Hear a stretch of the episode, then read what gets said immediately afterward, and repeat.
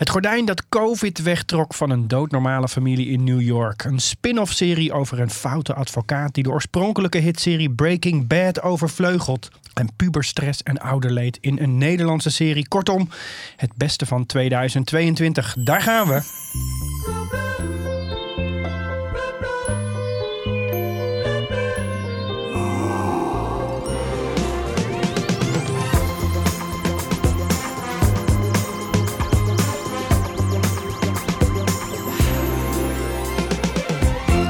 Hebben een bomvolle tafel vandaag met nog maar één Ever Coast podcast te gaan. Toch een beetje een triest moment. Maar we gaan er een leuke uitzending van maken. Met Yukiko, die eindelijk een keer mag meepraten over iets wat ze wel gezien heeft. Met Alex Mazereel. Hallo. Die weer alles gezien heeft in het hele jaar. Dus eh, het beste kan beoordelen wat het beste was. En Elje Looijenstein, die niks gezien heeft, maar alles gehoord. Ja, ja, precies. Toch? Ja, even dit jaar. Hè. Eh, ik kijk meteen even naar jou, Alex. Want jij bent degene die volgens mij het meeste ziet. Ik vind het altijd zo confronterend dat er dan series zijn die je dan moet zien. En dan heb je soms een serie die, waarvan je gedacht hebt van nou, laat maar even. Mhm. ik, eh, ik, ik geloof het allemaal wel. En dat mensen dan bij aflevering of bij seizoen 7 gaan zeggen dat het toch het beste ooit is. Ja. En dat je dan nog zes seizoenen, eh, inclusief de nieuwe erbij, zeven seizoenen moet gaan inhalen. Om Ja, dat- erachter te komen dat Better Call Saul de serie van het jaar is. En een van de beste series aller tijden ook nog. Dus ik neem meteen stelling in deze Koos podcast. Maar ja. ik ben dus wel benieuwd, Alex. Want Ja. hoe, hoe kijk jij? Heb je, kijk jij dingen versneld? Of hoe lukt het om jou, voor jou eigenlijk om al die dingen te zien? Nee, ik kijk bijna nooit iets versneld. Ik heb het alleen laatst bij het vijfde seizoen van The Crown gedaan. Omdat ik dat echt Vervelend tenenkrommend vond. vond. en vervelend. Ja, dus dat heb ik ik. op 1,25 afgespeeld. Dat Als lijkt me, toch, wel, eh, dat lijkt me wel mooi eigenlijk. ja. Toen werd het meteen een leukere serie. Maar je hebt het toch ook soms wel eens, neem ik aan, Alex, dat je een serie gemist hebt en dat mensen dan gaan zeggen, nee, het is toch wel echt goed. Maar Nee, dat je dan zeker, dat- seizoenenlang moet gaan bijsprokkelen om, om Ja, mee dat, te kunnen praten. Maar dat geldt vooral voor series die uitkwamen toen ik echt te jong was om dat te zien. Zeg maar de series die tussen de 2000 en 2008 uitkwamen of zo. Daar zit wel Ja. echt een gat. Dat moet ik allemaal inhalen, maar daar heb ik niet echt tijd meer voor. Maar voor de rest, ja, het is ook gewoon mijn, mijn werk. Dus dan is het ook makkelijker om heel veel uur daarvoor vrij te maken. Ja, en ook heerlijk, toch? Ik, ik hoop altijd dat mensen mij dingen tippen die dan zes seizoenen zijn. Ja, zodat ik gewoon even vooruit kan. Ik vind het zo stom als je ergens in zit, dan moet je weer twee jaar wachten Echt? op een nieuw Oh, nee, seizoen. als iemand mij dat zegt, dan zou- zinkt de moed me in de schoenen. Ik denk, daar begin ik niet aan. Goed. Nee. Better. Call Saul. Breaking Bad was een grote hitserie. Vier seizoenen, vijf seizoenen waren het. Vijf seizoenen. ehm, nou ja, alom wel beschouwd als een van de beste series aller tijden. In ieder Ja. geval, daar, dat is de consensus. Dat kan Over een scheikundeleraar die een probleem probeerde op te lossen. Hij had namelijk een zieke vrouw. Nee, hij was Hij was zelf, ziek, terminaal ziek. Zelf en ziek. eh, nou ja, Amerika zorgverzekering heel erg duur. Dus hij dacht van, ik ben scheikundige, ik weet er veel van. Ik ga crystal meth maken. Een hele Goed idee. Link eh, druk. En langzaam groeit hij dus uit tot een soort kingpin, drugsbaas in... Met een eigen kleurtje drugs. Met een eigen blauwe kleurtje kleur. drugs. En Ja. eigenlijk zie je hoe hij van een relatief goed mens naar een heel erg slecht mens gaat. Dat is Ja. eigenlijk Breaking Bad, het hele verhaal van vijf seizoenen. En hij heeft een advocaat. Hij- Saul Goodman. Ja, Saul Goodman, een hele foute, loesje, karikaturale advocaat. Echt zo'n zo'n type waar je zelf nooit bij zou willen terechtkomen als je een advocaat nodig hebt. Of juist wel. Of juist wel. Hij ritselt het voor je. Hij ritselt alles voor je. En hij, ehm, hij wordt ook omschreven door een van de personages in Breaking Bad als... als er iets aan de hand is, heb je geen criminal lawyer nodig, maar een criminal lawyer. Dus geen advocaat Ja, ja, ja. Die, de, die de criminelen verdedigt, maar een advocaat die zelf een beetje crimineel is. Nou, Ja, dat, dat is is Saul. Saul Goodman. Nou, een heel leuk bijpersonage, grappig gespeeld door Oh. Bob Odenkirk. Maar niet een van de niet een van de meest interessante personages in Breaking Bad. Toen ontstond het idee, toen Breaking Bad afgelopen was, van we gaan een spin-off maken. Want alles wat een succes is, dat moet uiteindelijk terugkeren in wat voor vorm En dan daar ook. haakte ik af. Ja, dat snap ik. Ik dacht ook van dit wordt helemaal niks. Zeker omdat het oorspronkelijke idee was een sitcom waarin Saul Goodman dan elke week een soort van celebrity moest verdedigen in de rechtszaal. En ik dacht echt, mijn Ah. god, dit gaat Klinkt echt echt leem. een hele verschrikkelijke kant op. Maar daar zijn ze van teruggekomen en toen dachten ze nee, we gaan het toch anders doen. Eigenlijk al voordat ze begonnen. Dus niet dat dat gaandeweg getransformeerd is. Maar dat idee is in de prullenbak gegaan. Ja, dus ze zijn het als prequel gaan aanpakken. Dus eh, het speelt zich zes jaar af voordat Breaking Bad begint. Ehm, En dan is Saul Goodman nog Jimmy McGill. Een soort, ja, een heel... Nobody. Een nobody eigenlijk inderdaad. Hij, hij is beginnend advocaat, maar heeft eigenlijk geen cliënten. En hij moet mensen verdedigen die ehm, lijken ge... ja, die iets met lijken gedaan hebben. Jongeren die op een dronken feestje een mortuarium zijn binnengedrongen. Dat zijn de mensen die hij moet verdedigen eigenlijk. Niet echt de hele glamorous eh, zaken, zeg maar. Nee, en eigenlijk gaat Better Call Saul dus heel erg over van hoe kan deze best wel sympathieke ja, onderdeur eigenlijk uitgroeien tot de advocaat van een van de grootste drugsbaronnen van Amerika uiteindelijk. Hoe is Ja. dat gegaan? Dus weer een soort transformatieserie. wat Weer een soort Breaking transformatie. is. Maar wat Breaking Bad was best wel zwart-wit. Het ging echt van goed naar kwaad. En er, er zaten wel grijs tint in natuurlijk, maar niet heel erg. En Better Call Saul is een en al grijs tint. Zeg maar, Saul Goodman slash Jimmy McGill is niet per se kwaad of goed. Hij zit er ergens tussen. En dat blijft eigenlijk de hele serie aan de gang. Dat geldt ook voor zijn vriendin. Ja, Op een interessante manier. Hij heeft een vriendin, dat wisten we niet. nee, In nee. Breaking Bad. Nee, dat is meteen ook de voornaamste spanningsboog. Want het lastige Better Call Saul is dus een prequel. Dus we weten in zekere zin hoe het afloopt met bijna alle hoofdpersonages die ook in Breaking Bad zaten. Ja. Maar er is één soort van wildcard en dat is Kim Wexler, ook een advocaat, een briljante advocaat. En Ja. dat is dus de vriendin van Jimmy McGill. Waarvan je zou kunnen zeggen, zij is goed. Zij is geen crimineel. Nee, zij is echt eh, een soort mo- het morele geweten van de serie heel erg lang. Totdat ze ook langzaam een beetje wordt meegesleurd in, die morele gebied. val van Ja. Jimmy McGill. Maar we weten, zij zit niet in Breaking Bad. Dus we weten, daar Die is iets misgegaan. Ja, Daar ja. is iets misgegaan. En dat zeker omdat zij... Zij wordt waanzinnig goed gespeeld door Rhea Seahorn. Echt een van de beste acteerprestaties van deze eeuw, als je het mij vraagt. Echt een Zo, waanzinnig goede rol. Alex zit echt in zijn echt- Zo, hè? ja, echt, Ja, hè? ja, ja, ja. Die heeft Ja, maar ik, ik, kan eh, het beamen, zij is wel heel erg goed. Zij is echt Echt geweldig. grappig. En Die dynamiek tussen hen is heel grappig. je gaat echt van haar houden. En toen dus dit jaar het zesde en laatste seizoen uitkwam... toen was echt de vraag van... mijn god, wat gaat er met haar gebeuren? Dat je soms bijna meer om haar gaat geven... dan om, om sommige verre familieleden, weet je wel. Dat je meer om een fictief personage gaat geven... dan om mensen in de echte wereld. Zo, zo goed was, hij, was zij eigenlijk. Maar zijn ze nu dan bij met die... Ze zijn nu op het punt gekomen dat hij dus die Walter White gaat ontmoeten in de, in de tijd? Eh, nou ja, het, het, het zesde seizoen was dus het laatste seizoen. En ik zal niet spoilen voor de mensen die het nog willen zien. Maar er is overlap met Breaking Oké. Bad. Maar dat Oh. doen ze wel op een hele goede manier. Want dat vind ik zo knap aan Better Call Saul. Het is geen gemakzuchtige prequel geworden van... we hebben een succes gehad, we gaan nog een keer hetzelfde doen. Het is echt iets heel anders eigenlijk. Het is veel trager. Het is veel meer een soort karakterstudie... of karakterstudies van die twee personages Maar ik wil even eigenlijk. kijkadvies. Want ik heb Breaking Bad seizoen 1 gezien. Mhm. Toen ben ik gestopt.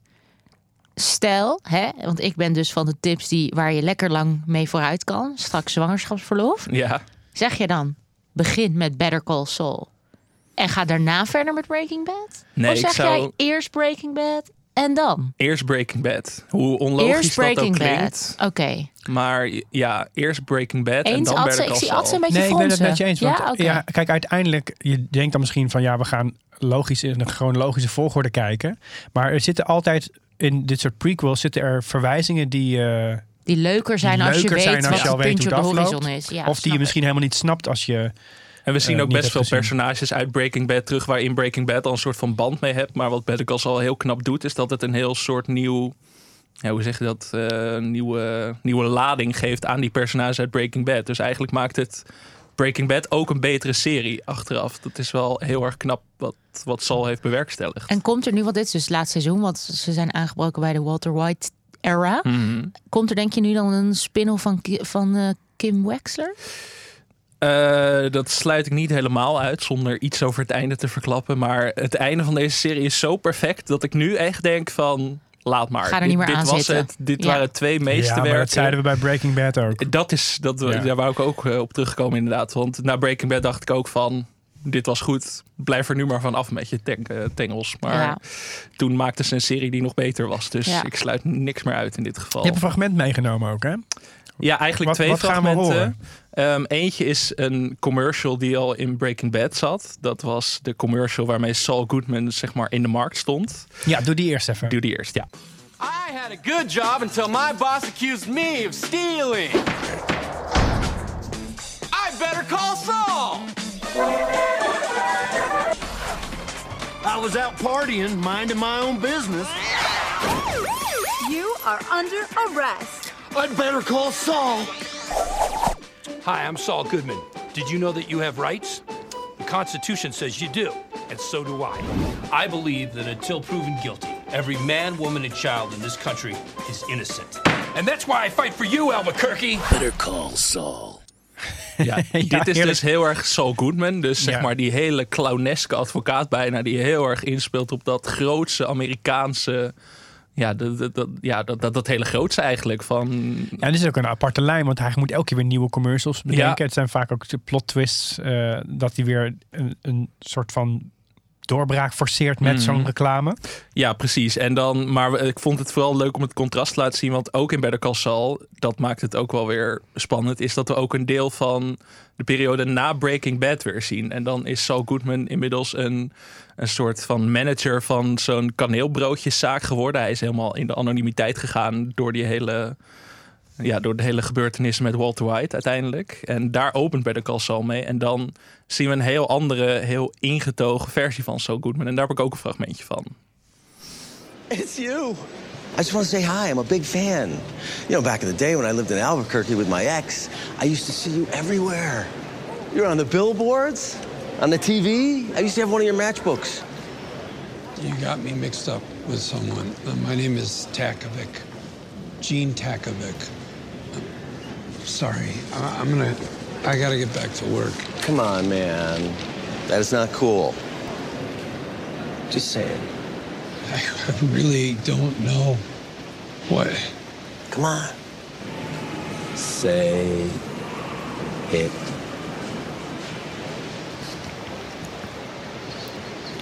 Better call Saul. What? I, I, I can't even hear that.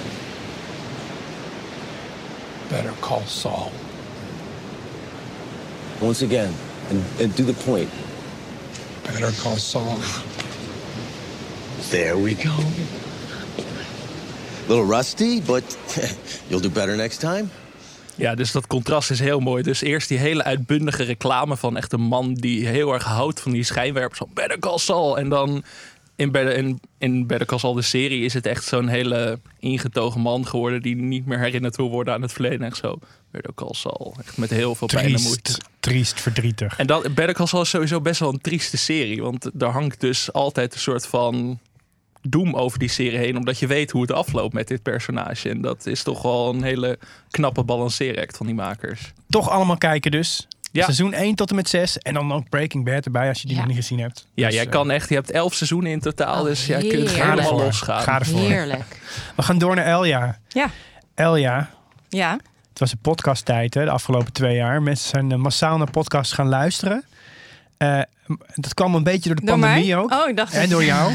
ja, ja. kwam ook een beetje door de pandemie. En nu heb jij als beste podcast van het jaar een podcast over de pandemie. Ja, en ik leuk, dacht, hè? oh, Lekker. nou, Kom je weer in, met zo'n corona-verhaal. Ja, Maar het was een ik. prachtige podcast. Ja, toch? Ja, Ja. vond ik wel. Ja, ik denk eh, als we nu toch terugkijken op eh, 2022, dan ben ik zelf ook al bijna weer vergeten dat we eh, half van de tijd nog in een dikke pandemie zaten. Maar het is natuurlijk wel zo. En eh, nou ja, ik hoef dat ook allemaal niet te herbeleven. Maar deze podcast eh, eh, vind ik toch een van de beste van het jaar. Daarom Ja. heb ik hem meegenomen. We Were Three heet die. Ja. Wat is het voor podcast? Het is een, eh, een soort mini-seizoen van Serial. Nou, Serial kennen we natuurlijk allemaal als een van de allerinvloedrijkste podcasts die er zijn. Ja, voor wie dat niet Ehm, geluisterd heeft, wat was dat voor een nou, het begon baanbrekende reeks? Die kwam dit jaar ook weer in het nieuws, omdat in het eerste seizoen ging over Adnan Sayed, een, ehm, eh, een jongen die in de gevangenis was beland toen hij beschuldigd was van de moord eh, op zijn vriendin, eh, eind jaren negentig. En in die podcast ja, gaan ze die hele moord reconstrueren. Het is eigenlijk een soort oer-podcast. oer- true- true crime podcast. En die man, hij is nu inmiddels in de 40, is dit jaar eh, vrijgekomen. Dus dat was ook groot nieuws eh, overal. Daar kwam dus ook een nieuwe aflevering. Maar heeft die podcast daar invloed op gehad, denk je? Of is het... Ja, dat eh, denk ik wel, ja. ja de, eh, sowieso de media-aandacht heeft daar invloed op gehad. Eh, dat eh, die zaken heropend is, opnieuw eens naar gaan kijken. Want er zitten natuurlijk nog heel veel mensen onterecht in de gevangenis... die niet die aandacht hebben gekregen. En die blijven daar ook gewoon zitten. Dat eh, kun je wel op rekenen. Ja. ja. En en nou ja, na dat eerste seizoen zijn er meerdere seizoenen geweest. Ik geloof een stuk of vier, vijf. En dus er is ook aan het begin van het jaar een ehm, eentje uitgekomen. Gekomen, de Ja, Trojan dus- Horse Affair. Het ging over... eh, Ja, die hebben wij ging nog? We hebben eh, hem geluisterd. we- ik we vond hem wilden- een beetje saai, eerlijk gezegd. Ja, het ging over... matchfixing in Groot-Brittannië of zo, nee, toch? nee, nee, nee, het ging over Oh. eh, invloed van eh, eh, islam op het Oh, onderwijs. en daar werd, eh, Oh, er. Ja. werd vaak. eh, het ging over of het nou de invloed van eh, islam op het onderwijs met terrorisme te maken zou hebben of niet. Ja, ja, ja wij En hebben die. Weet je nog dat wij. Ik zou hem eigenlijk gaan tippen in de Coach Podcast. Want ik dacht, komt een nieuw seizoen Serial. Eh, Het is een no-brainer. No-brainer. Eh, en toen, eh, toen waren we aan het luisteren. En toen kreeg ik ook een bericht van jou. Van, nou, ik kom er eigenlijk niet doorheen. Het is allemaal heel bureaucratisch. En toen, nou ja, de- ik kan het nog steeds wel waarderen. Maar ik vond het wel. Het was een ehm, belangrijk onderwerp, ja. maar het had, ik had het gevoel dat je er na twee afleveringen eigenlijk alles over weet wat je erover zou willen weten. Eh, ja, het, was, het ging gewoon te ver in detail, denk ik. Ja. Ehm, ze waren, Maar ja. dat is bij deze goed, podcast Dit zijn maar drie afleveringen. Ja. Eh, een veel kleiner verhaal, veel persoonlijker verhaal. Eh, het gaat over een, een vrouw in. ehm, eh, ze woont in New York. Ze heet Rachel McKibbins. Ze is zelf schrijver. En haar familie, ze heeft eigenlijk maar twee echte familieleden: haar vader en haar broer. En die wonen aan de andere kant van het land in LA. En eh, als corona begint, eh, dan eh, hebben zij allebei een hele andere kijk op die ehm, situatie. Ja. Zij gaat gewoon mee in het, nou ja, het zeg maar gewone verhaal van we moeten een vaccin en eh, al die dingen. En die vader en die broer die gaan echt helemaal, eh, Met name die broer, hè? die gaat Ja. helemaal los. helemaal, helemaal antivax eh, wappie, zeg maar. En eh, op een dag, ik heb er ook een fragmentje van, dan krijgt zij dus een bericht van haar broer eh, dat hun vader is overleden. At about midnight, my brother sent me a text that said, I've been too distraught to tell you, but dad passed away today at 2:42 p.m. because of a text? Yeah. A text telling her that her father had been dead for hours. She figured car accident. She knew he'd been driving a lot looking for work. She called her brother, Peter Camacho Jr. I said, Peter, what is happening? What happened? And he explained that they had gone to a funeral, and he said, I never should have let dad go to the funeral with all those vaxxed people. vaccinated people. Her brother believed that COVID vaccines weren't just dangerous for people who got the vaccine. Vaccinated people were dangerous to be around if you were unvaccinated, like him and his dad. Ja. Wow, maar wacht, dus die vader is overleden na die begrafenis. Ja, hij kreeg COVID. Oh, hij kreeg COVID. Ja. Oh, oké. Ja. Hij kreeg COVID en, en zij weigerde dus ook naar het ziekenhuis te gaan en zo. Ja. Want ze g- vertrouwde de medische wetenschap niet. Maar ze geven dus nu de vaxxed people de schuld. Ja. Exact. Ja. Alsof de, de gevaccineerde mensen... Met hun eh, magnetische straling. hun- exact. Nou ja, Ja. dat hele complotverhaal, weet je wel, al die Super dingen. heftig. En, en dan beseft zij van, oké, mijn vader en broer wonen in huis. Mijn vader is net overleden aan COVID. Eh, hoe is het eigenlijk met mijn broer? Ja. En eh, die eh, zegt ze tegen hem van, hoe is het met jou dan? Zij, hij zo, ja, nou ja, ik heb wel een beetje last van kortademigheid. En dan zegt ze, ga alsjeblieft naar het ziekenhuis nu. Nou, dan weet ze hem te overtuigen om naar het ziekenhuis te gaan, vanaf de andere kant van het land. Ehm, maar dan, ehm, ja, later gaat hij dus weg uit het ziekenhuis vrijwillig, eh, terwijl hij nog steeds heel erg ziek is. En overlijdt hij ook na eh, iets van twee weken. En dan gaat zij terug naar hun geboortehuis. en dan komt zij zijn telefoon tegen. En dan leest zij in zijn telefoon alle berichtjes die ze hebben gestuurd. Maar ook dat hij dus eh, aan het appen is met een neef van hun. Die dus die andere Die kant nog veel helemaal- heftiger is zelfs. Ja, ja dus dat, dat is het andere fragmentje wat ik heb. Peter texts the cousin an hour later saying, Rachel said, if they want to put you on remdesivir, ask them to pair it with Illumiant. It's a game changer. No response from the cousin.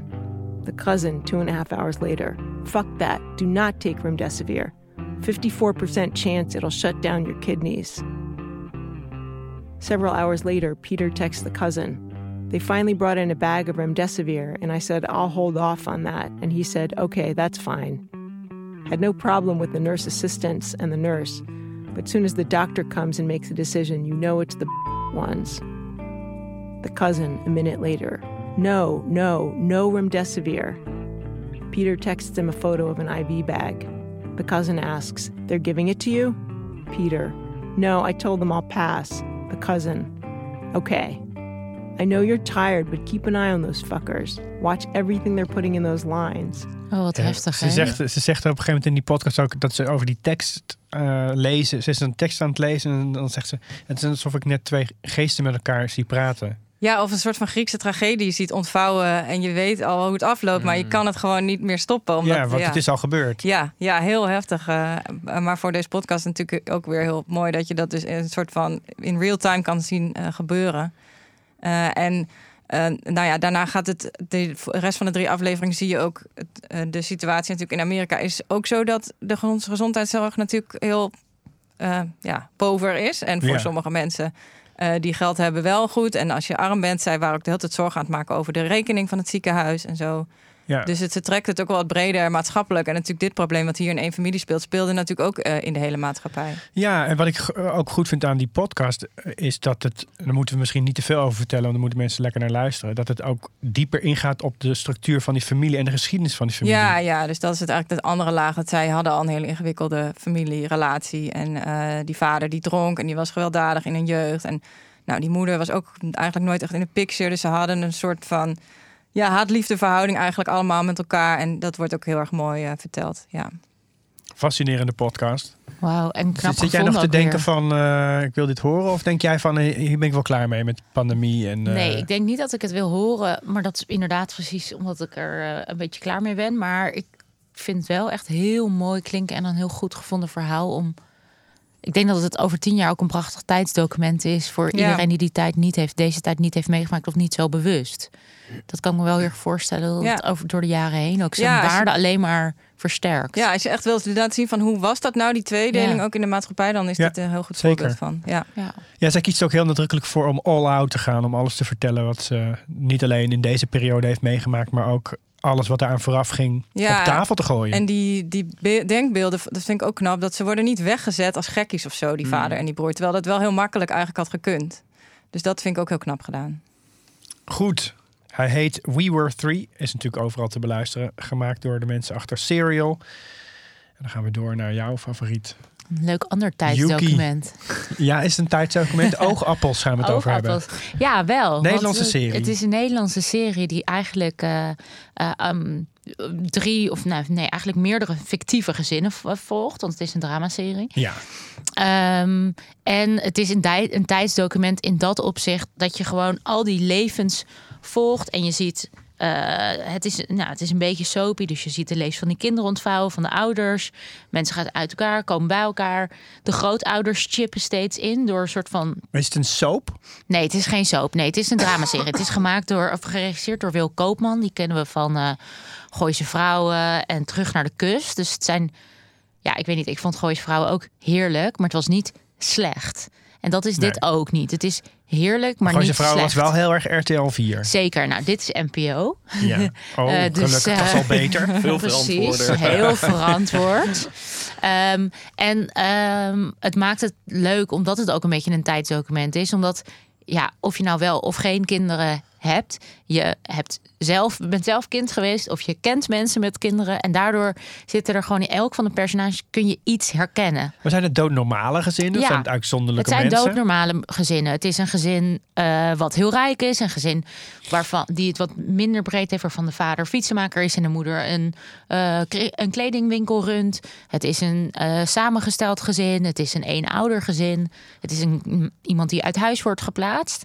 Maar het leuke eraan en het belangrijke aspect eraan is dat je, vervo- dat je voortdurend tussendoor, tussen de eh, scènes waarin je gewoon het leven ziet, zie je eigenlijk de grootouders die reflecteren op het leven van hun kinderen. En dus ook je van advies voorzien. En die kijken recht de camera in, zitten op een bank, een soort van talking heads. En die vertellen eigenlijk. Alsof het een documentaire is Alsof het een documentaire is. Eh, en die vertellen eigenlijk over wat ze ervan vinden. Dus bijvoorbeeld. ehm eh, Ramzi Nassar speelt, eh, sp- speelt een vader in, eh, van, een van een samengesteld gezin. En zijn vader houdt dan bijvoorbeeld in het laatste seizoen een best wel mooi betoog over dat we tegenwoordig niet meer slapen. Dus dat we eh, altijd dat, dat tegenwoordig iedereen maar moe is. En we altijd eh, nog even, nog even Druk, de druk, druk. Weer, en nog even de weersverwachtingen, nog even het laatste nieuws. Even een serie kijken. Nog even die serie kijken. En door die reflectie van die oudere maatschappij of oudere generatie.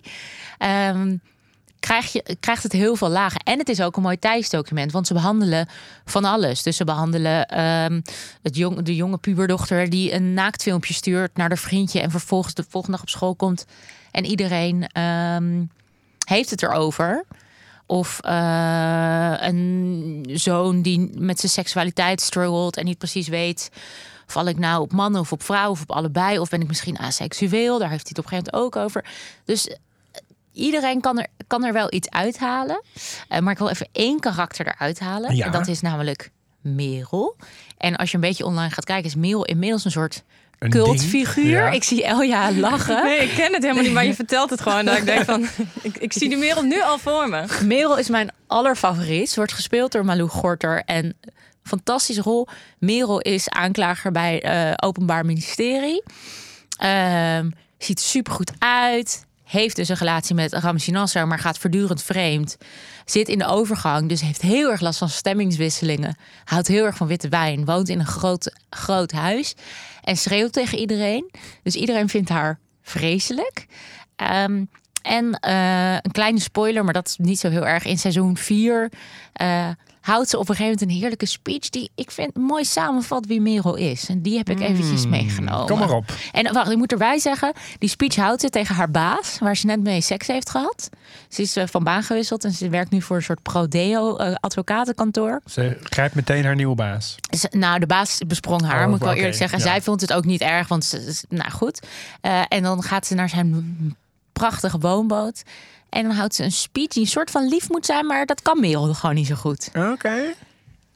Even over wat je gisteren zei in de auto. Ik heb erover nagedacht en wij moeten echt niet iets met elkaar beginnen. Het is echt een slecht idee. Ten eerste omdat we samenwerken. En ten tweede omdat ik inmiddels twee keer gescheiden ben en overal een zootje van maak. Ik heb twee kinderen die zo min mogelijk met mij te maken willen hebben. Ik heb een middelbaar lichaam. Ik heb een alcoholprobleem. En ik heb ontzettend weinig geduld. Jij kan echt een veel leukere vrouw krijgen. Zelfs met die rare truien van je.